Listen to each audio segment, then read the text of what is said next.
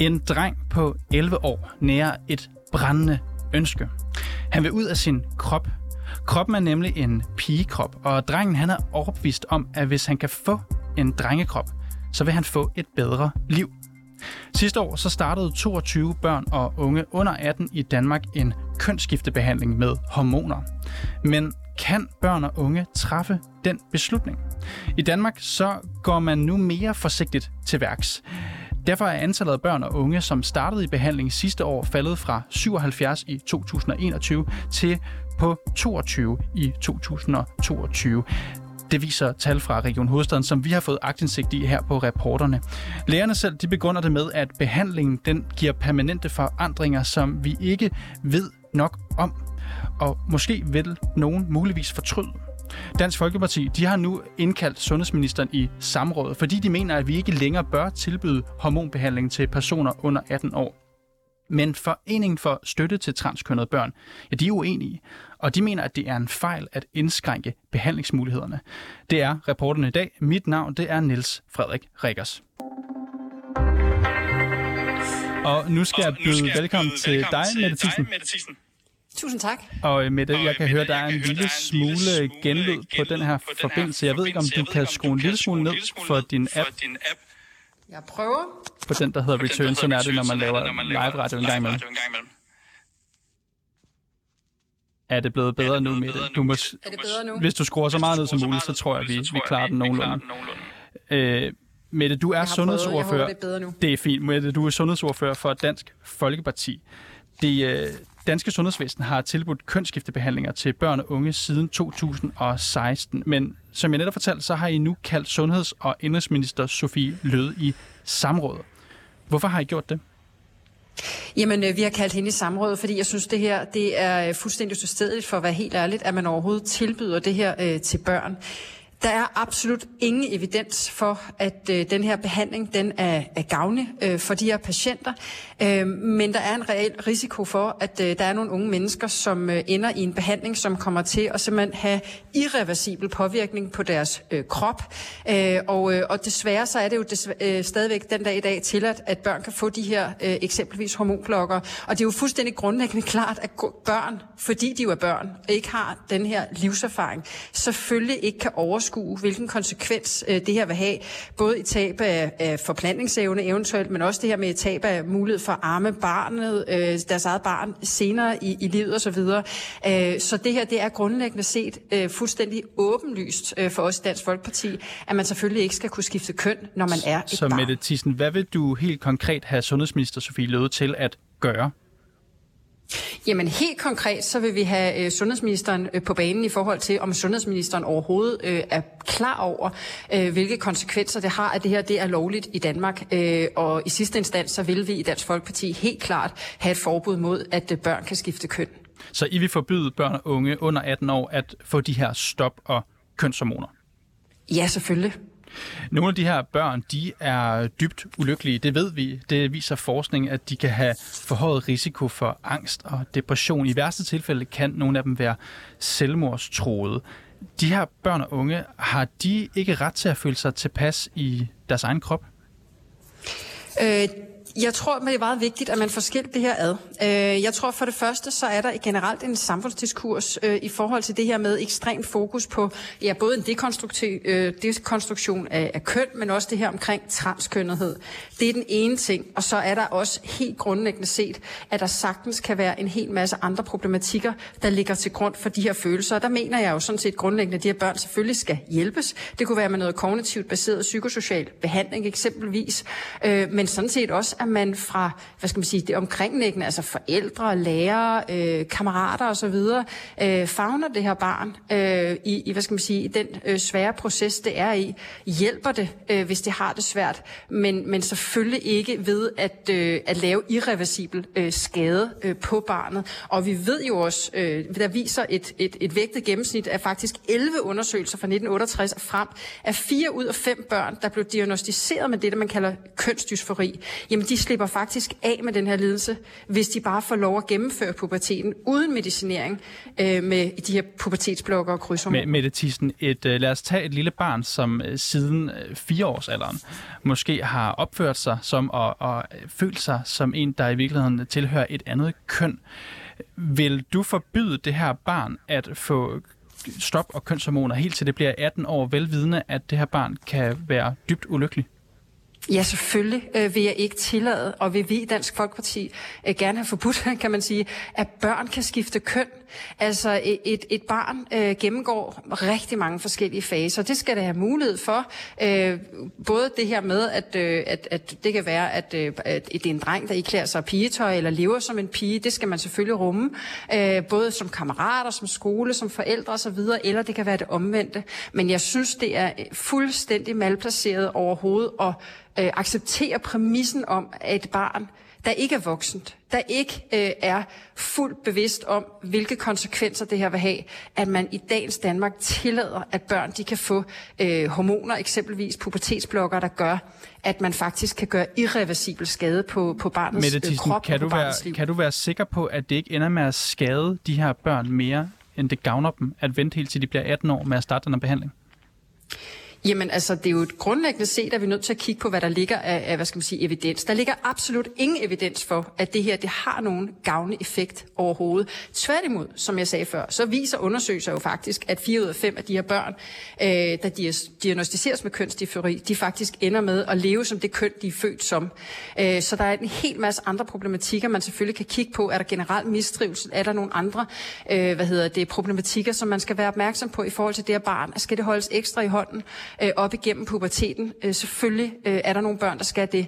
Men at tro, at man kan lave et quick fix, hvor man bare siger, nu skifter vi dit køn, nu gør vi irreversibel skade på din krop og dit liv, øh, velvidende, at øh, der ingen evidens for, er for, at det virker, og velvidende, at, øh, at langt de fleste, de faktisk ender med at leve et rigtig godt liv i det køn, I, I Danmark, der har vi behandlet børn og unge under 18 år med de her hormoner siden 2016. Lærerne har vurderet, at man på trods af en nu mere forsigtig tilgang fortsat kan behandle nogle børn og unge.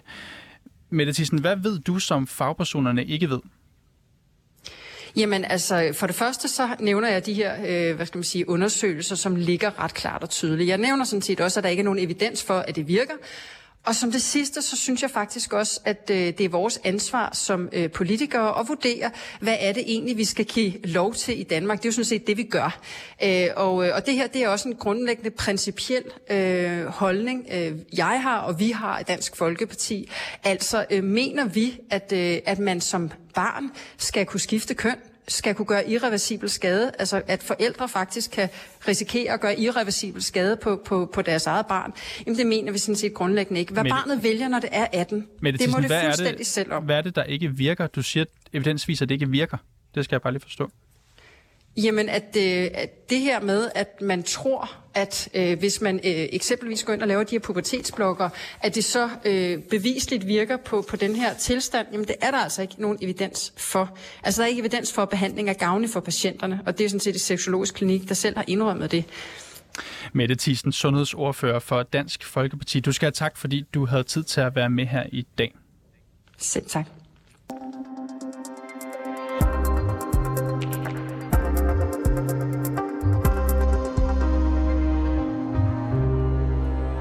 Nu skal vi høre fra Bastian Sand. Bastian Sand er 15 år, og for blot år tilbage var han sikker på, at han gerne ville være en pige. Han var så sikker, at han ville gennemgå en hormonbehandling for at skifte køn. Indtil han pludselig ikke var så sikker længere. Vores reporter Toge Gripping har talt med Bastian om, hvordan det føles at være sikker på et kønsskifte, for derefter at fortryde.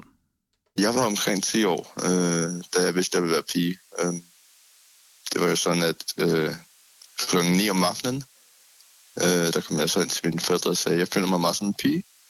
Øh, og så, så, så var mine forældre sådan, ja, lad os sidde ned her og så finde ud af, om du er drag, homoseksuel eller trans. Øh, og der følte jeg, at jeg kunne øh, spejle mig mest i at være trans. Var dine forældre forberedt på det? Ja, altså, da, da jeg var fem år, der gik vi en tur i Italien, og der øh, fandt jeg så en kjole, en brudkjole. Jeg kunne rigtig godt lide den. Der tænkte de, nå, han bliver helt sikkert designer. Og så som syvårig begyndte jeg at klæde mig rigtig meget ud i pigetøj og pigesuperhelte. Og der tænkte mine forældre, okay, han kan måske blive homoseksuel, drag eller trans. Og så som 10 år, der kom jeg så ud og sagde til mine forældre, jeg føler mig som en pige.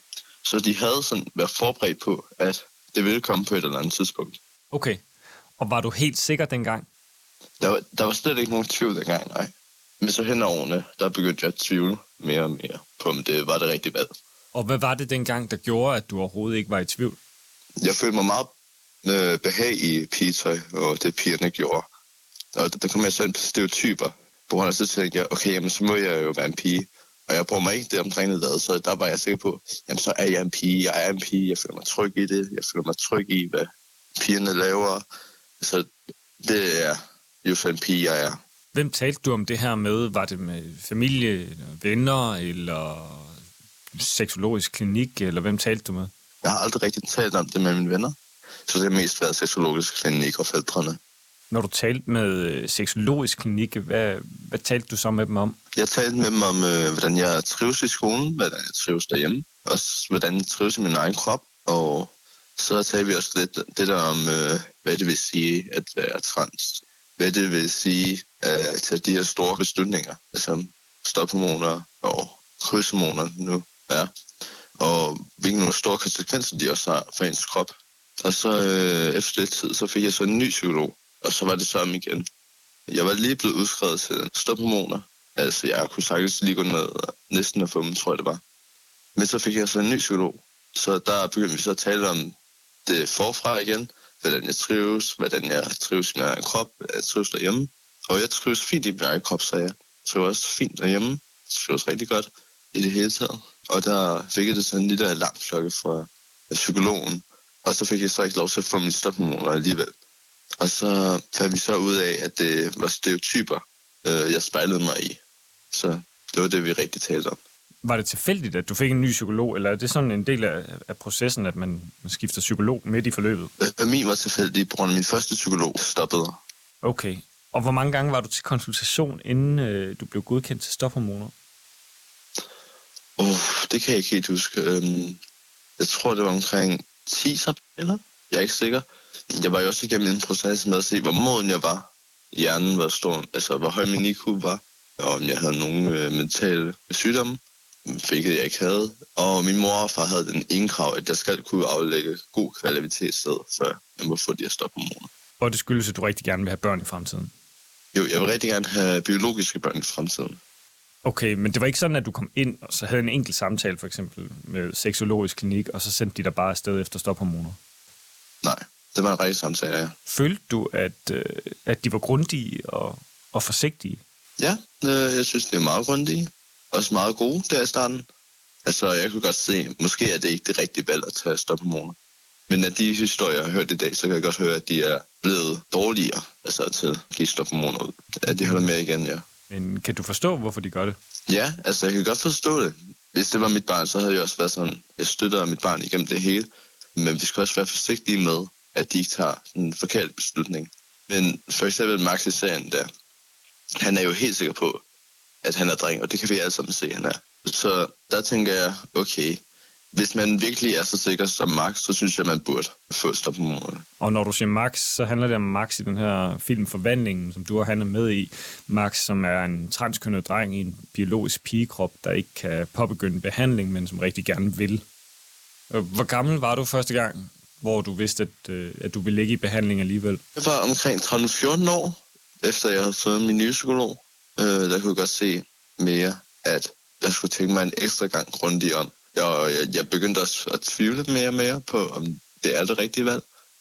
Jeg tror også, jeg blev lidt skræmt af, hvad hedder konsekvensen, det skulle have. Øh, det kunne jo ødelægge min facilitet, øh, min vækst, også mentalt.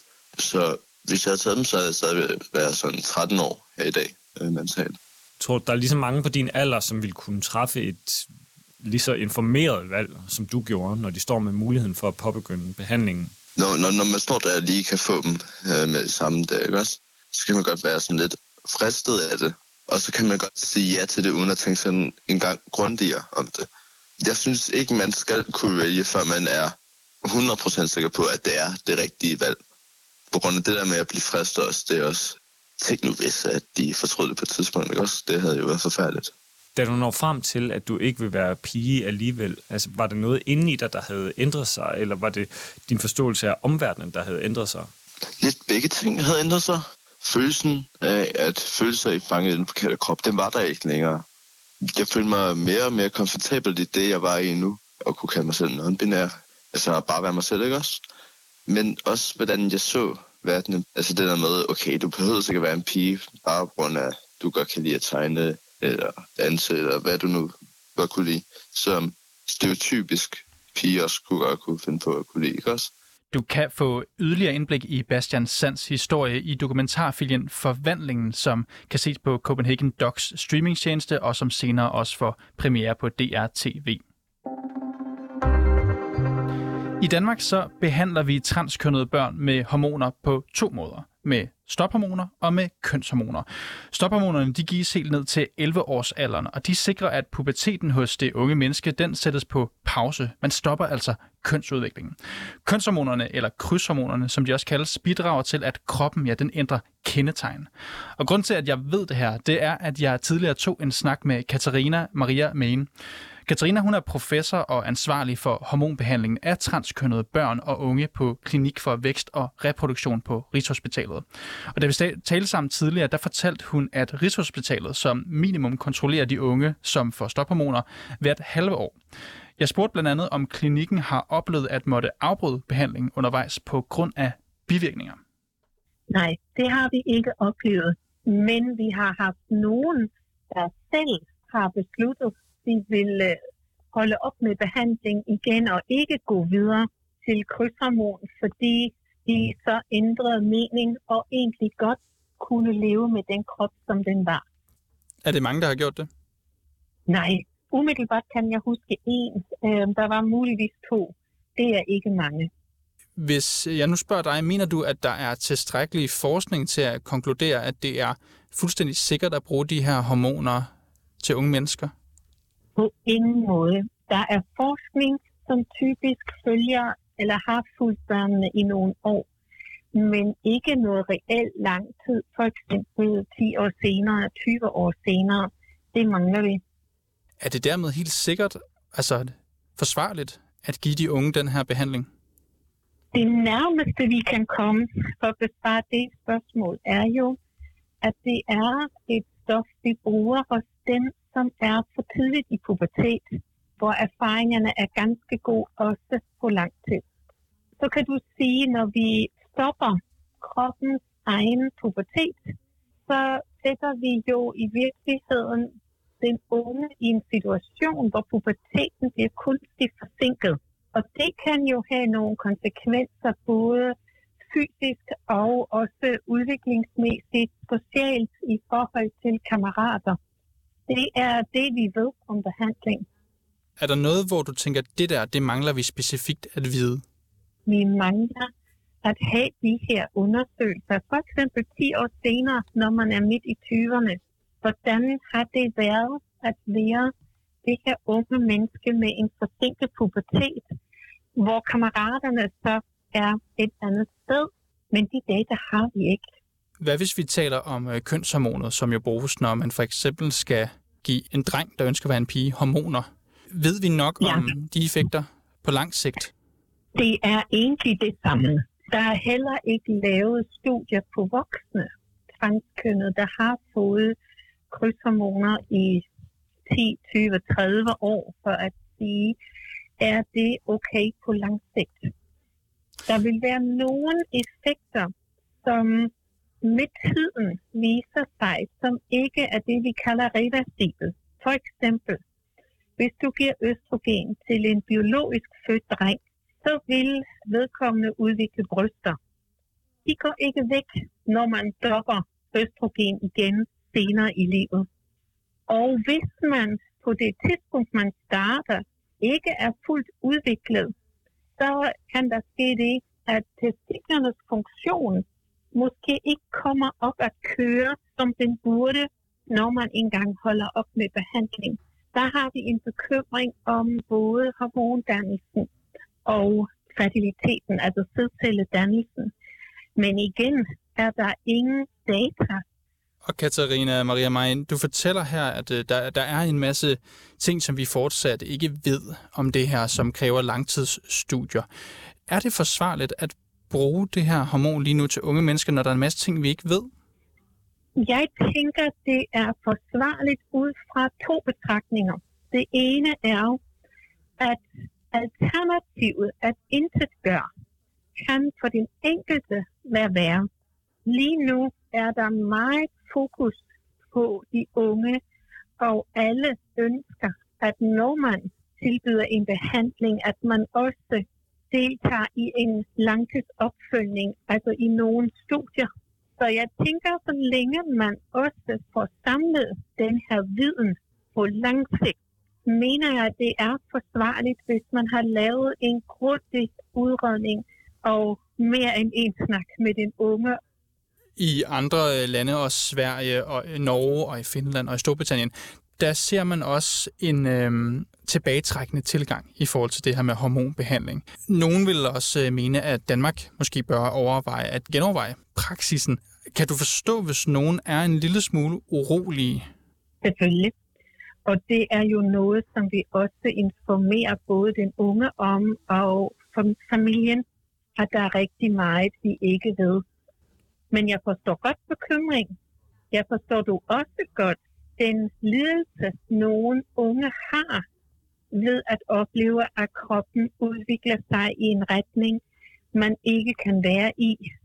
Så det er jo et dilemma. Katarina, du er jo med til selvfølgelig også at give den her behandling til blandt andet unge mennesker.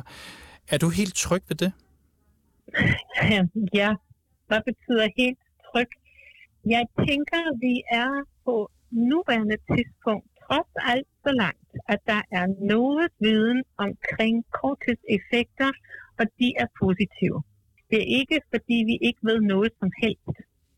Det, jeg kan være bekymret for, er, at det er langtidsholdbart. Og den viden har vi ikke. Men der er også nogle studier, hvor man jo også har en viden om, at det kan koste en rigtig meget i livskvalitet og psykisk helbred, at ikke få lov at undgå, at kroppen udvikler sig hvis vi var sikre på, at det var bedre eller lige så godt at lade være med behandling, var vores situation jo nemmere. Ifølge Sundhedsstyrelsen og Region Hovedstaden, så er I blevet mere forsigtige med at tilbyde den her behandling til unge. Det kan man også se i tallene, hvor i 2021 blev der henvist 77 unge til klinikken for, for afdelingen for vækst og reproduktion. Ja, så blev der i 22 henvist 22. Så det er gået fra 77 ja. til 22. Hvordan kan det være, at I har ændret praksis en lille smule her? Det er jo, fordi vi ligesom I gør, også hører, hvad andre grupper, både behandlere og forskere rundt omkring i verden er bekymret for. Det er ikke, fordi vi har data, der giver anledning til at være bekymret. Det er mere, at vi siger, at der ikke er tilstrækkelig data at behandle nogen som har for eksempel en meget kort historie. Der er nogen, der har vidst det fra barnets ben. Men der er andre, der først kommer i ungdomsårene, og som måske har oplevet den her kønsidentitetsproblematik ganske kort i nogle få måneder. Øh, og der vil vi i dag gerne afvente. Vi har kun været i gang i fem år. Så jeg vil også mane til forsigtighed at lægge for meget i de her tal. Men øh, når man så kigger på dem, så ligner det jo også, og det er jo også det, som du bekræfter her, at der er kommet en mere forsigtig tilgang. Betyder det, at den gamle tilgang, hvis man kan kalde den det, at I var for ivrige efter at behandle nogen unge under 18 år med hormoner?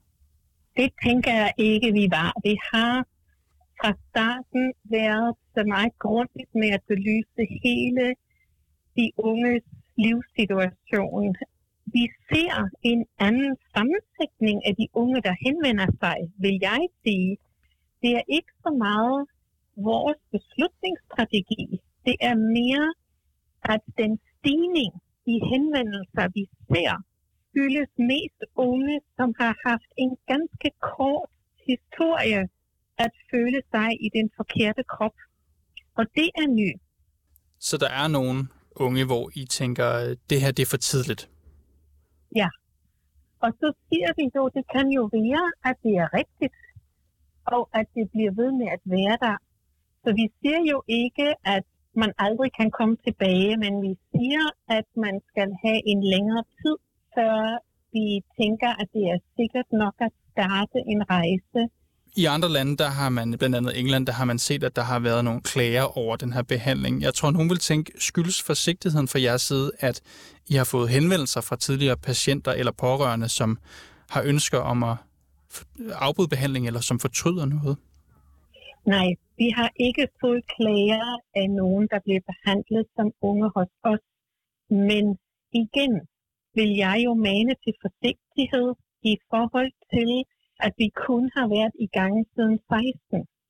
Så det er jo ikke utænkeligt, at det også kræver måske et lidt længere liv, før man overvejer, om nu den vej, man har valgt, også gav den livsglæde og kvalitet, man havde håbet på. Der er jo ligesom øh, med lange studier, der siger, øger det her livskvalitet, gør vi nu godt.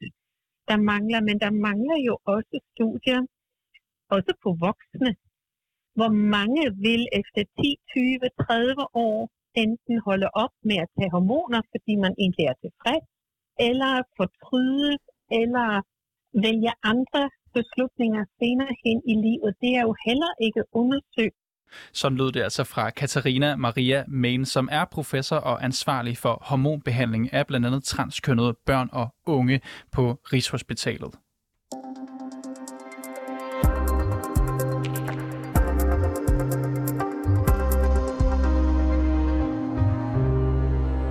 Her på reporterne har vi også talt med autoriseret psykolog John Halse, som har speciale i blandt andet børn og familie.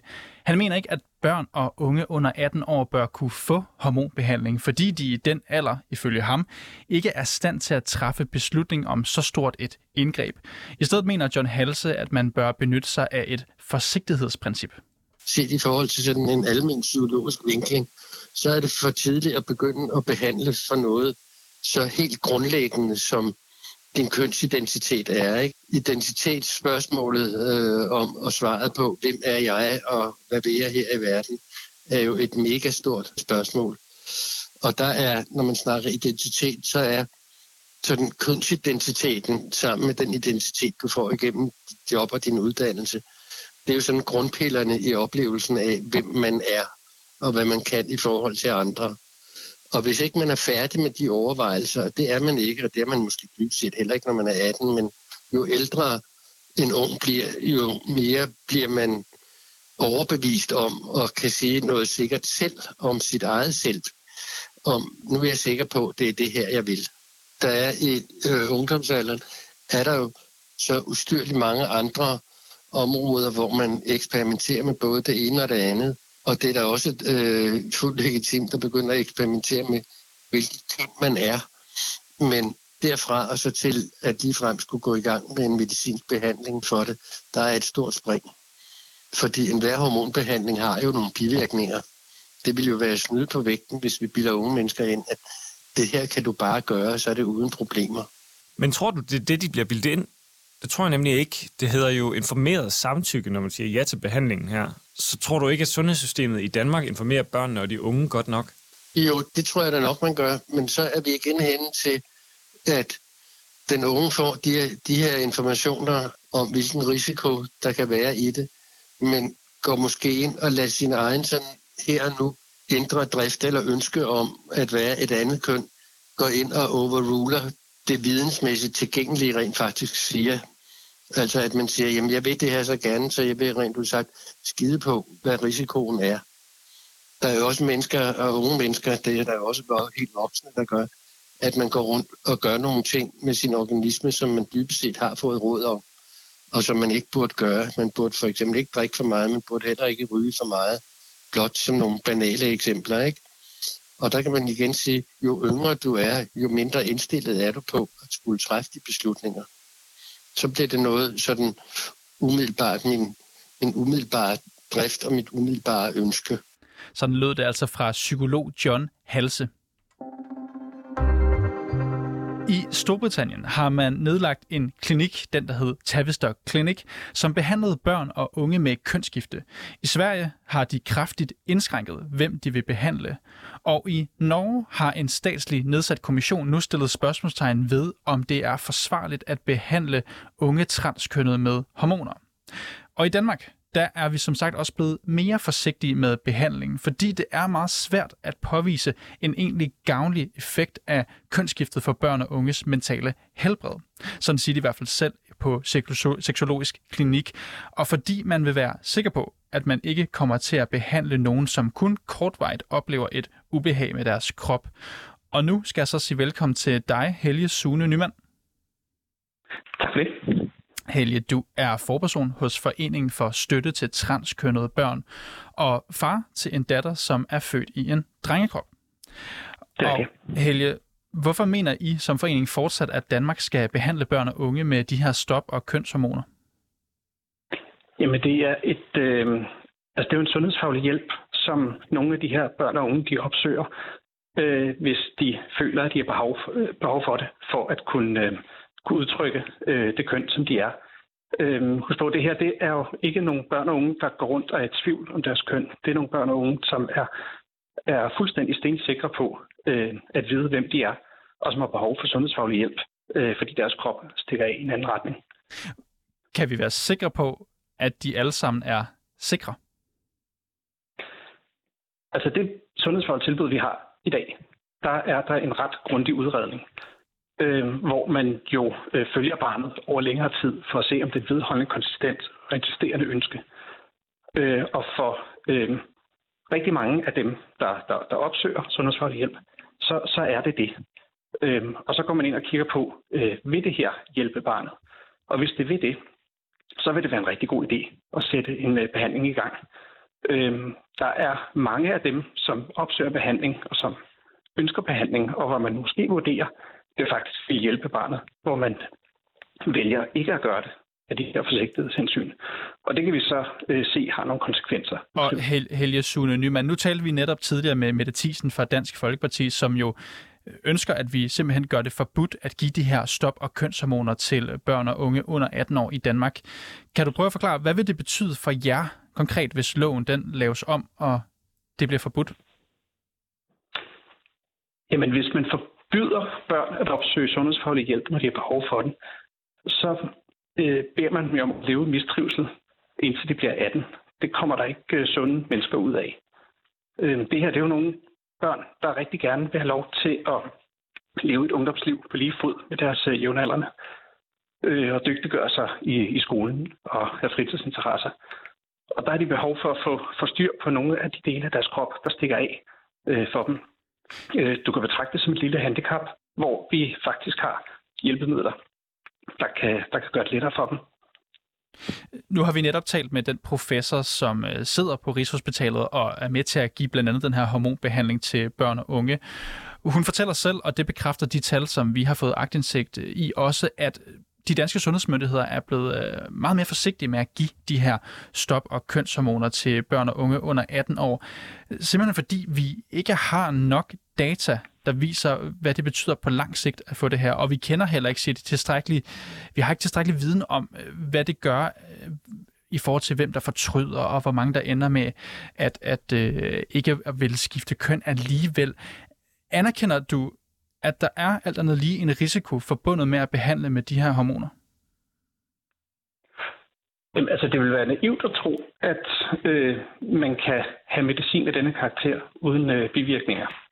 Det er også naivt at tro, at man kan lave øh, nogen former for sundhedsbehandling, uden at der øh, senere hen vil være nogen, som øh, går andre veje. Øh, men øh, vi kan være rimelig sikre på, at dem, der opsøger sundhedsfaglig hjælp, det er nogen, som virkelig ønsker den.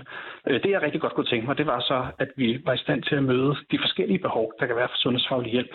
For det er ikke alle, der opsøger sundhedsfaglig hjælp, som øh, ønsker en hormonbehandling på samme måde som, øh, som naboen.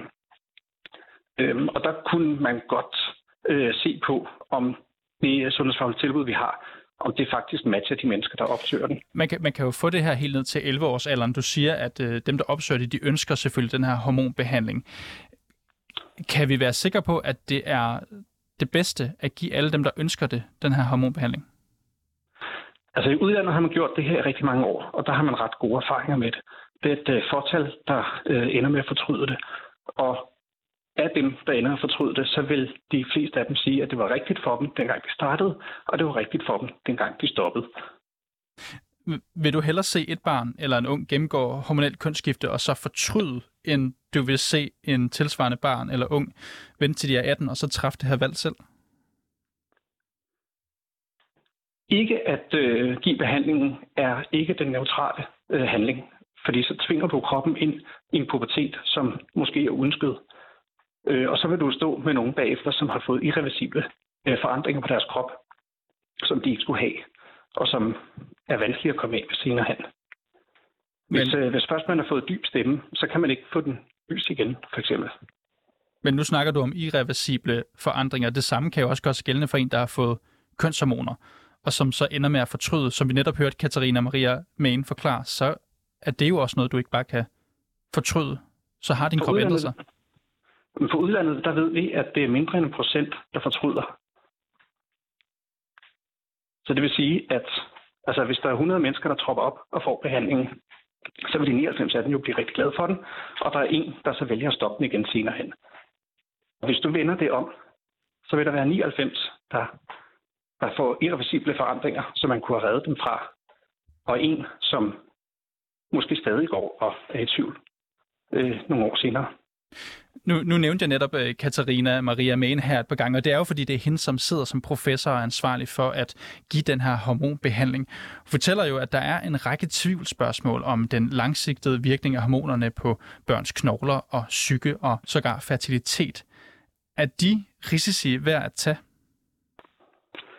Jamen, det er faktisk lidt interessant, fordi de her hormoner, de har været kendt i, uh, i ret lang tid. Den første hormonbehandling, det var i, i midten af 50'erne uh, øh, i Danmark. Og der er ikke registreret nogen af de øh, bivirkninger på de præparater. Øh, alle, øh, alle sådan nogle lægemidler, der kan man jo se indlægssæden. Og de, øh, de spekulationer, man gør sig, om de nu har de her, øh, øh, de her utilsigtede øh, bivirkninger her, øh, har man jo faktisk ikke set i de men 70 vi har behandlet børn og unge i fem år i Danmark i forhold til den her behandling, vi taler om nu, stopper krydshormoner for transkønnet. Professor Katrine, Katrine Maria Mein, hun fortæller selv, at vi kender ikke alle virkningerne. Vi har ikke alle data. Er det stadigvæk en god idé at fortsætte? Jamen, altså, vi ved, at øh, fordelene øh, opvejer ulemperne. Vi kender vel ikke alle ulemperne endnu? Altså, det vil tage 100 år at få 100 års erfaring. Men indtil videre, så er de øh, behandlinger, vi har, det er det, det, er det bedste valg. Det er risikoen værd siger du? Det er der er rigtig mange af de her børn og unge, der synes. Men husk på, det er jo ikke, altså, det er jo ikke noget, vi beslutter hen over hovedet på børnene. Det her det er jo unge mennesker, der tager en øh, velovervejet og velinformeret beslutning, øh, hvor de får alle de øh, risici præsenteret, som der måtte være, hvor et øh, kyndigt lægeteam øh, hjælper dem med at forstå, hvad det er, øh, det her det handler om. Og så kigger man jo også på, er det overhovedet en behandling, som vil gavne for det her unge menneske? Helge Sune Nyman, jeg bliver nødt til at desværre stoppe dig nu. Du er forperson hos Foreningen for Støtte til Transkønnede Børn, og du skal have tak, fordi du var med her i dag. Ja, selv tak. Og øh, bag dagens udsendelse var Toge Gripping, der er Mille Ørsted som redaktør, og der var mig, jeg hedder Niels Frederik Rikkers.